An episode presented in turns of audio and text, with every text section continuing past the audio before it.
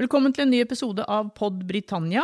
Jeg heter Trine Andersen, og i dag har jeg med meg Øyvind Brattberg og på telefon fra Kristiansand Erik Mustad. Vi skal snakke om et lovforslag som nå er på vei gjennom det britiske parlamentet, og som har skapt liv og røre igjen i britisk politikk. Det handler om brexit, og det handler nok en gang om Nord-Irland. We shall never surrender. The pride in who we are is not a part of our past. It defines our present and our future. The people of Scotland have spoken. England, Scotland, Wales, Northern Ireland together, taking us forward, unleashing the potential of the whole country. Ja, Boris Johnson han har jo hisset på seg både EU og statsministre og parlamentarikere og opposisjonen og alt mulig med dette lovforslaget. og... eh, her vil han så bryte med internasjonal lov, og han vil skrote deler av skilsmisseavtalen med EU. og Det er dette som har skapt så sterke reaksjoner. Men jeg tror vi trenger litt uh, voksenopplæring her, for dette er ikke enkelt stoff. Erik. Kan du forklare litt om uh, hva det er som har skjedd så langt? Ja, eh, vi får prøve å forklare så godt vi kan i løpet av denne podkasten, for dette er ganske innvikla. Storbritannia og EU skrev under på skilsmisseavtalen rett etter valget i Storbritannia i desember i fjor. Eh, og det var en jublende Boris Johnson som var fornøyd med at han klarte å åpne skilsmisseavtalen igjen, som Teresa May aldri klarte å skrive under på og få i land med EU.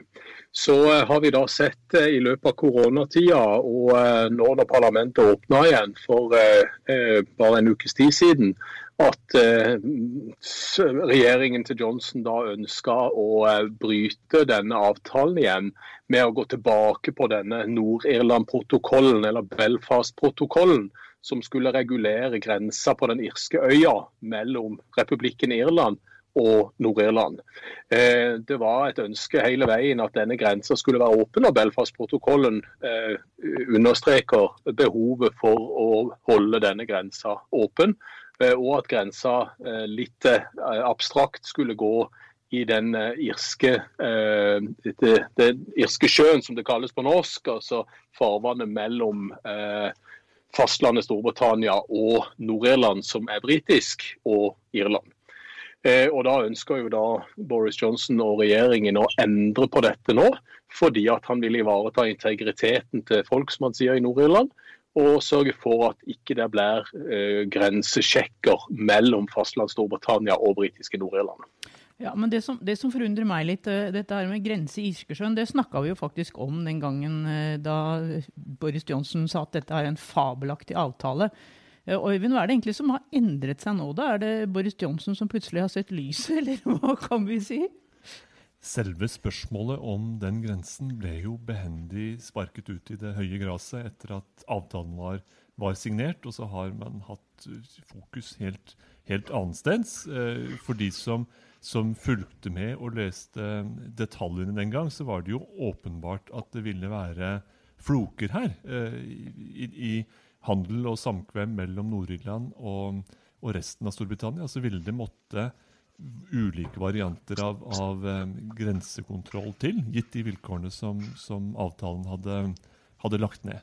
Men det har man snakket lite om, og når man nå snakker om det, eller når, når lovforslaget har kommet, så er det jo dels som en følge av at uh, Johnson og hans regjering vil forsikre seg mot en, en situasjon uten noen avtale, uten noen handelsavtale på plass ved nyttår, og dels som en stadfesting av sjølråderett og, og, en understrekning av at Storbritannia skal henge sammen som en helhet, og det har, har første prioritet. Og det, Dette er jeg helt enig med Erik sin analyse av. Det, problemet som her oppstår, er jo ikke at, at Boris Johnson buldrer og, og rasler med, med, sablene, men at han er i ferd med å spille opp til et, et brudd med det som er eh, lovfestet i henhold til internasjonal rett, som den avtalen mellom Storbritannia og EU. Utmeldingsavtalen, skilsmisseavtalen, eh, at han på dette punkt, eh, Nord-Irland-protokollen, velger å eh, ensidig, eller unilateralt, som man sier på, med den terminologien, bryte med det man har vedtatt, det er høyst problematisk. Og der har hylekoret hatt sitt utgangspunkt. Ja, der har jo bl.a. fem tidligere statsministre hylt, så det, så det, holder her. Både konservative og fra, fra Labour. Men, men Johnson, han, kan dette her også være et forhandlingsutspill fra han? Er han liksom bare Prøver han å vise seg litt tøff? For vi er jo midt i, for, altså i sluttfasen til forhandlingene om denne frihandelsavtalen med, med, EU, som da skal gjelde fra, fra nyttår når overgangsperioden er over, Erik? Ja, altså De fleste ser vel ikke dette som et forhandlingsutspill, men en slags retrett eh, og ønske om å bryte internasjonal lov, eh, som vi har sett gjennom det hylekoret. Eh, ikke særlig populært, selvfølgelig, verken i EU eller blant tidligere britiske statsministre, i og med at det kan sette Storbritannias fremtidige renommé på spill. Og Da er ikke dette et lurt trekk av en regjering som nå er såpass Eh, skvisa, for å si det sånn, i disse forhandlingene. Eh, og Dette gir jo også et inntrykk av at Boris Johnson enten ikke vil ha noe avtale med EU, som vi kanskje har sett hele veien eh, fra 2016 da han ble en av brexit-generalene. at Selv om de på det tidspunktet sa at det ikke vil være noe vanskelig å få en avtale med EU, så har vi sett at det har vært veldig vanskelig. Og denne handelsavtalen ser ikke ut til å bety så mye for Boris Johnson og hans regjering. Eh, så Vi kan jo spekulere i hva som ligger bak dette her. Eh, han sier da at det har med denne integriteten å gjøre for å beskytte Nord-Irland eh, som en del av Storbritannia som et fritt land. Men her ligger det nok en del andre grunner bak også, som en kan spekulere i, men som da ikke er kommet ut. At han kanskje ikke ønsker en avtale. Er det nasjonalisme? Er det å bryte med EU? Er det engelsk nasjonalisme som ligger bak dette, eller hva er det for noe? Så, så her er det jo flere ting. Men for å referere til, til det som har skjedd i, i, Underhuset, da, så har vi jo fått en avstemning eh, mandag kveld. Eh, hvor eh, denne første runden eh, av denne nye loven som bryter da med skilsmisseavtalen, gikk igjennom. Så, så her er jo ikke siste ord sagt. Nå skal jo denne loven gå frem og tilbake som en pingpongball eh, i, i de neste dagene. Ja, Kan du si litt om hvordan et sånt lovforslag eh, blir behandla i parlamentet? Du sier pingpong. Hva, hva, mener dere egentlig med det? Til syvende og sist så må jo et eh, lovvedtak være stadfestet av både Underhuset og lordene i, i Overhuset før dronningen signerer, og dermed er, er lovforslaget blitt et vedtak og gjeldende lov. Og Det gjelder også i dette tilfellet, selv om det høres pussig ut at dette skulle være eh, gjenstand for lovbehandling. Det høres mer ut som en opprivende debatt, men det er faktisk et lovforslag om Storbritannias eget indre marked og dets videre, videre liv etter, eh, etter, brexit.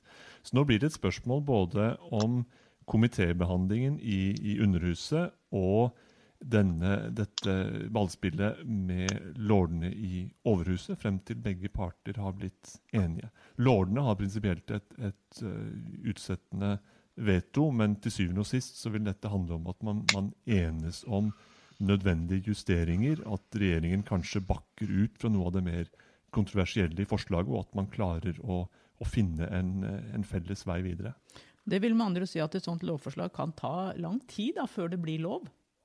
Det er noe av det som er velsignet fleksibelt med, med den britiske konstitusjonen. Det er mye som er velsignet fleksibelt der, også det som gjelder lovbehandling. og Det erfarte vi jo i forrige runde med, med brexit-diskusjon også gjennom høsten i fjor. At det kan være tilsynelatende komplett stagnasjon, øh, opprør og, og evigvarende debatt. Men det kan også være handlekraft som bare det, dersom eh, kalenderen krever det og man klarer å bli enige. Og jeg tror I det tilfellet her så er man nødt til å, å pløye gjennom i løpet av de nærmeste ukene. Så må man uansett finne en løsning, ikke minst fordi dette skjer parallelt med at den britiske regjeringen skal forsøke å forhandle seg ferdig med, med EU. Begge disse prosessene, den vesle i Storbritannia og den store mellom London og Brussel, er nødt til å, å, lande, og det snart. Men Er du enig Øyvind, med, med Erik om at uh, Boris, Boris, Johnson kanskje ikke ønsker noen avtale? At det det også ligger bak her? At han går for no deal? Det kan, uh, mye kan etter hvert tyde på at, uh, at, Storbritannia, eller den britiske regjeringen under Johnson, ikke ser noen annen vei enn å stå stå, stå, på sitt, og så får man ta konsekvensene av det. Og den sannsynlige konsekvensen er at man ikke blir enig med EU i tide. Men det er noen vesentlige forskjeller fra i fjor høst og alt, eh, alt rabalderet omkring hvordan man skulle tre ut av EU osv. Nå er man prinsipielt ute, og spørsmålet er hvordan man skal leve, ha et avstandsforhold videre, et, et fungerende samarbeid videre. Og det fungerende samarbeidet må jo på beina før eller senere. Så dersom de ikke klarer å bli enige til, til nyttår med noe som kan iverksettes da, så blir det bare å skyve problemet foran seg. Og i mellomtiden så har Storbritannia eh, og britisk økonomi ikke minst lidd såpass mye under pandemien at det er vanskelig å skjønne hvordan man selv med, med, patriotisme på sin side kan si at det er en god ting å stå ved nyttår uten noen avtale. Mm. Ja, hva slags konsekvenser vil det få Erik, hvis vi står eh, nå 31.12. og det ikke er noen avtale i boks? Det er jo ikke snakk om å forlenge en overgangsperiode her, det er jo faktisk lovfesta i Storbritannia nå. Men eh, vil det si at vi da får en, eh, en hard grense på den irske øya f.eks.? Ja, det vil det si. Eh, så Det som da Øyvind sier, som han har helt rett i, er jo at alle økonomiske prognosene som er kommet siden 2016 og til og med før brexit-avstemningen i 2016, pekte jo på at hvis man gikk ut av EU uten en avtale, og nå også uten en handelsavtale muligens, ja da vil det få eh, alvorlige økonomiske konsekvenser for hele Storbritannia. Og så har da pandemien lagt seg oppå det, og vi vet at Storbritannia er et av de hardest ramma landene eh, i Europa, om ikke på verdensbasis. Så har også da økonomien lidd så veldig under pandemien. Så her får man en, en dobbel eh, straff økonomisk. Eh, og Det er jo det som da er kanskje det store spørsmålet. Hva vil skje økonomisk med Storbritannia hvis de nå til nyttår går ut uten en handelsavtale med EU? Og så er det som Øyvind sier, dette må tilpasses på en eller annen måte, dette avstandsforholdet. Eh, og Avstanden er jo ikke lenger geografisk etter brexit enn det det var før brexit. Men det kan jo virke som om at partene står såpass langt fra hverandre nå at eh, dette vil da bli kanskje en, en, skilsmisse uten at man har noen avtale på plass eh, den 31.12. Ja, og Et sånt utspill som Boris Johnsen har kommet med, det kan i hvert fall ikke hjelpe på forhandlingsklimaet? Nei, det gjør det jo ikke. og Dette betyr jo at eh, de, eh, de eh, reaksjonene som er kommet fra EU og fra, fra, interne parlamentsmedlemmer i det konservative partiet, endog regjeringsmedlemmer, tidligere statsminister som vi var inne på, det viser jo at det er veldig mye motstand både mot å gå ut uten en avtale, fordi at de økonomiske konsekvensene kan bli så store, og måten dette gjøres på akkurat i disse dager her, med denne loven og dette lovforslaget lovforslaget som da bryter med internasjonal lov, bare det i seg selv gjør jo at dette er veldig turbulent og kan få veldig store økonomiske konsekvenser også for markedene eh, internasjonalt. Så er det også slik at uh, alt henger sammen med alt i denne prosessen. Og den Nord-Irland-protokollen og håndteringen av den irske grensen henger også veldig sammen med hva slags videre handelsavtale Storbritannia får med EU. Hvis den handelsavtalen blir blir eh, ambisiøs og, og tilnærmet sømløs og ligner en del på det eh, vanlig deltakelse i indre marked har, eh, har betydd for Storbritannia, så, så vil ikke den irske grensa bety så veldig mye. Det vil ikke skape så mange floker. Men per i dag så er vi veldig langt fra et sånt forhandlingsresultat. Vi er mye nærmere en sånn en løsning hvor Storbritannia er frakoblet helt og fullt EU, og etter hvert får en brukbar løsning på, på, plass for industrivarer, etter hvert for landbruksvarer og slikt, men, men, like fullt et ganske så frakoblet forhold. Og da er det en, en, en, skikkelig floke å avklare. Enten så trekker man en klar grense i Irskesjøen og lar Nord-Irland eh, kobles sammen med det indre markedet i EU gjennom Irland, fordi man skal være sammenbundet med Irland. Eller så må man eh, gjøre det på en annen måte å la den irske grensen, altså grensen mellom Nordland og Irland, bli en veritabel grense, som i sin tur vil, vil bryte med fredsprosessen og dens premisser. Så i, i møte med den, den, de vanskelighetene det kan man også forstå at Boris Johnsons regjering har et behov for å klargjøre at uansett hva som skjer nå, så skal Nord-Irland henge sammen med Storbritannia, og det har førsteprioritet. Det er bare det at dette har Eh, noen juridiske sider ut fra hva man var enige om før, som man ikke uten videre kan kaste over bord. Denne Nord-Irland-protokollen som det nå strides om, den, den, får vel egentlig ingen betydning hvis det blir en avtale? I praksis med en avtale så vil man fortsatt trenge en form for eh, fortollingsløsning mellom eh, Storbritannia og Nord-Irland fordi de varer som sendes fra Storbritannia, eller rest-Storbritannia om du vil, til Nord-Irland, kan transporteres videre til Irland og dermed inn i EU. Altså Egentlig er det så, så enkelt som at et, la oss si et kinesisk skip bunkrer opp i eh, en, en engelsk havn med varer som da eh, er tillatt importert til Storbritannia, og som da sendes videre til Nord-Irland. EU trenger en forsikring om at de ikke sendes videre over grensen til Irland uten videre og blir en del av, av eh, eh, å bli solgt et eller annet sted innen EUs grenser. Så man må ha en form for regulering der, men hvor omfattende den eh, reguleringen blir, avhenger av hva slags mellomværende Storbritannia og EU får. Ja. rett og slett. Så dette, er, dette her er egentlig ikke veldig Dette er komplisert. Det er komplisert, og det eneste som man kan være eh, sikker på her, er at, at um, mer eh, fiendskap, kan man si, eller, eller, vanskeligere relasjoner mellom Storbritannia og EU skaper vanskeligere forhold også for å finne en vettug løsning i Irland. Altså Noe som kanskje er litt enklere å snakke om, er, er Boris Johnson som person. hvordan, hvordan, slår det ut det han nå gjør? Altså, det var jo 30 av hans egne som lot være å, å stemme i, på, i, mandagens avstemning. Eh, hva, hva, kan dette gjøre med hans popularitet innad i eget parti? Hva tror du, eh, Erik? Det er åpenbart at eh, Boris Johnson og det vi visst lenge, er kontroversiell. Det er ikke sikkert han hadde blitt statsminister hadde det ikke vært for brexit. Antagelig ikke. For, for, han har en del støttespillere. Han har en stor heiagjeng. Vi har vært inne på tidligere at denne heiagjengen er viktig når han er i parlamentet, men pga. koronarestriksjonene så har han ikke hatt den heiagjengen i parlamentet. Eh, vi har sett de siste dagene i parlamentet at han er blitt ganske hardt kjørt av, av Labour.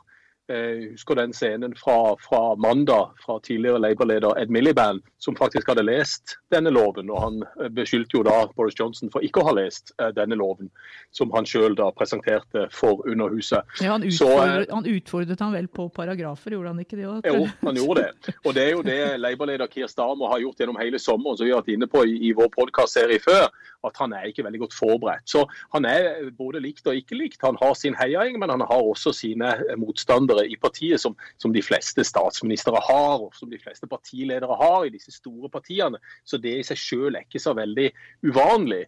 Men eh, han er jo en farverik eh, partileder, som vi vet, og som liker å, å stå med, med heiagjengen rundt seg, og kanskje delegere innhold i politikken til, til andre. Men av 30 da avstår fra å stemme eh, i første runde her, det sier jo nokså mye om at eh, dette her er kontroversielt, dette han gjør nå.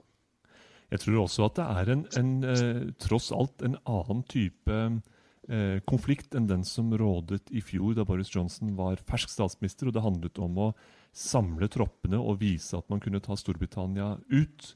Eh, han lyktes i å lande denne utmeldingsavtalen den gangen og vant et, et, en, en brakseier ved, ved, valget og fikk en stor og tilsynelatende lojal støttetropp omkring seg. Men det han spilte på da, denne tanken om folket mot elite, om en sånn at man må eh, på et vis ta saken i egne hender og bryte med disse eh, elendige, um, elendige folkene som bremser vår vei ut av EU, vise at vi kan klare det. Den eh, konflikten er vanskelig å sette opp på ny nå. For nå handler det egentlig mer om at hans egen regjering kan bevise at de, at de faktisk får til en, en løsning, istedenfor å slå dobbeltknute på seg sjøl underveis. Så Boris Johnson har plutselig bevisbyrden på sine skuldre. Det handler ikke lenger om at, at han er, er, folkets mann, og at han, er, eh, at han bremses av, av, krefter som vil Storbritannia vondt. Nå handler det mer om at, at, eh, hans regjering må bli enig med seg selv om hva de vil, hvordan de skal gå fram, og underveis klare å holde seg til grunnleggende spilleregler. Og det at han har fått så mye kritikk også fra brexit-vennlige eh, deler av parlamentsgruppa, det er et, eh, et, et, dårlig omen for hans eh, videre ferd her. Skal vi tørre å spå hvordan dette kommer til å ende? Hvordan tror du det kommer til å se ut ved, ved nyttårstider, Erik? Tror du vi har noen avtale mellom Storbritannia og EU da? Ja, det er jo vanskelig å, spå. og Det har vi jo erfart noen av enhver her de siste årene. At dette er et vanskelig farvann eh, å, spå i. Eh, fordi at det er mange skjær i sjøen, og det er mange U-svinger og det er mange svinger til høyre og venstre. Men, men, sånn som det ser ut per i dag, så har vi jo sagt tidligere kanskje noen av oss at eh, vi ikke tror at det kommer til å bli en handelsavtale. Da må det skje et eller annet. Og eh, bare dette utspillet her med denne loven som vi har snakka om i dag, gjør jo at forhandlingsklimaet er blitt vesentlig verre. Og som Øyvind var inne på, dette forhandlingsklimaet må egentlig være ganske bra hvis man skal kunne lande en avtale eh, så seint i september når både Boris Johnson og EU har sagt at de vil ha dette på plass før EU-toppmøtet 15.10. Så det er bare tida av veien, og farvannet blir smuldrere og smuldrere, holdt jeg på å si. Eh, og eh, det betyr at ja, det, blir smalere jo, nærmere vi kommer denne deadlinen 15.10. Og jeg tror det er for lite tid igjen til å dra i land en avtale. We shall never surrender. The pride in who we are is not a part of our past. It defines our present and our future. The people of Scotland have spoken. England, Scotland, Wales, Northern Ireland, together, taking us forward, unleashing the potential of the whole country. Order!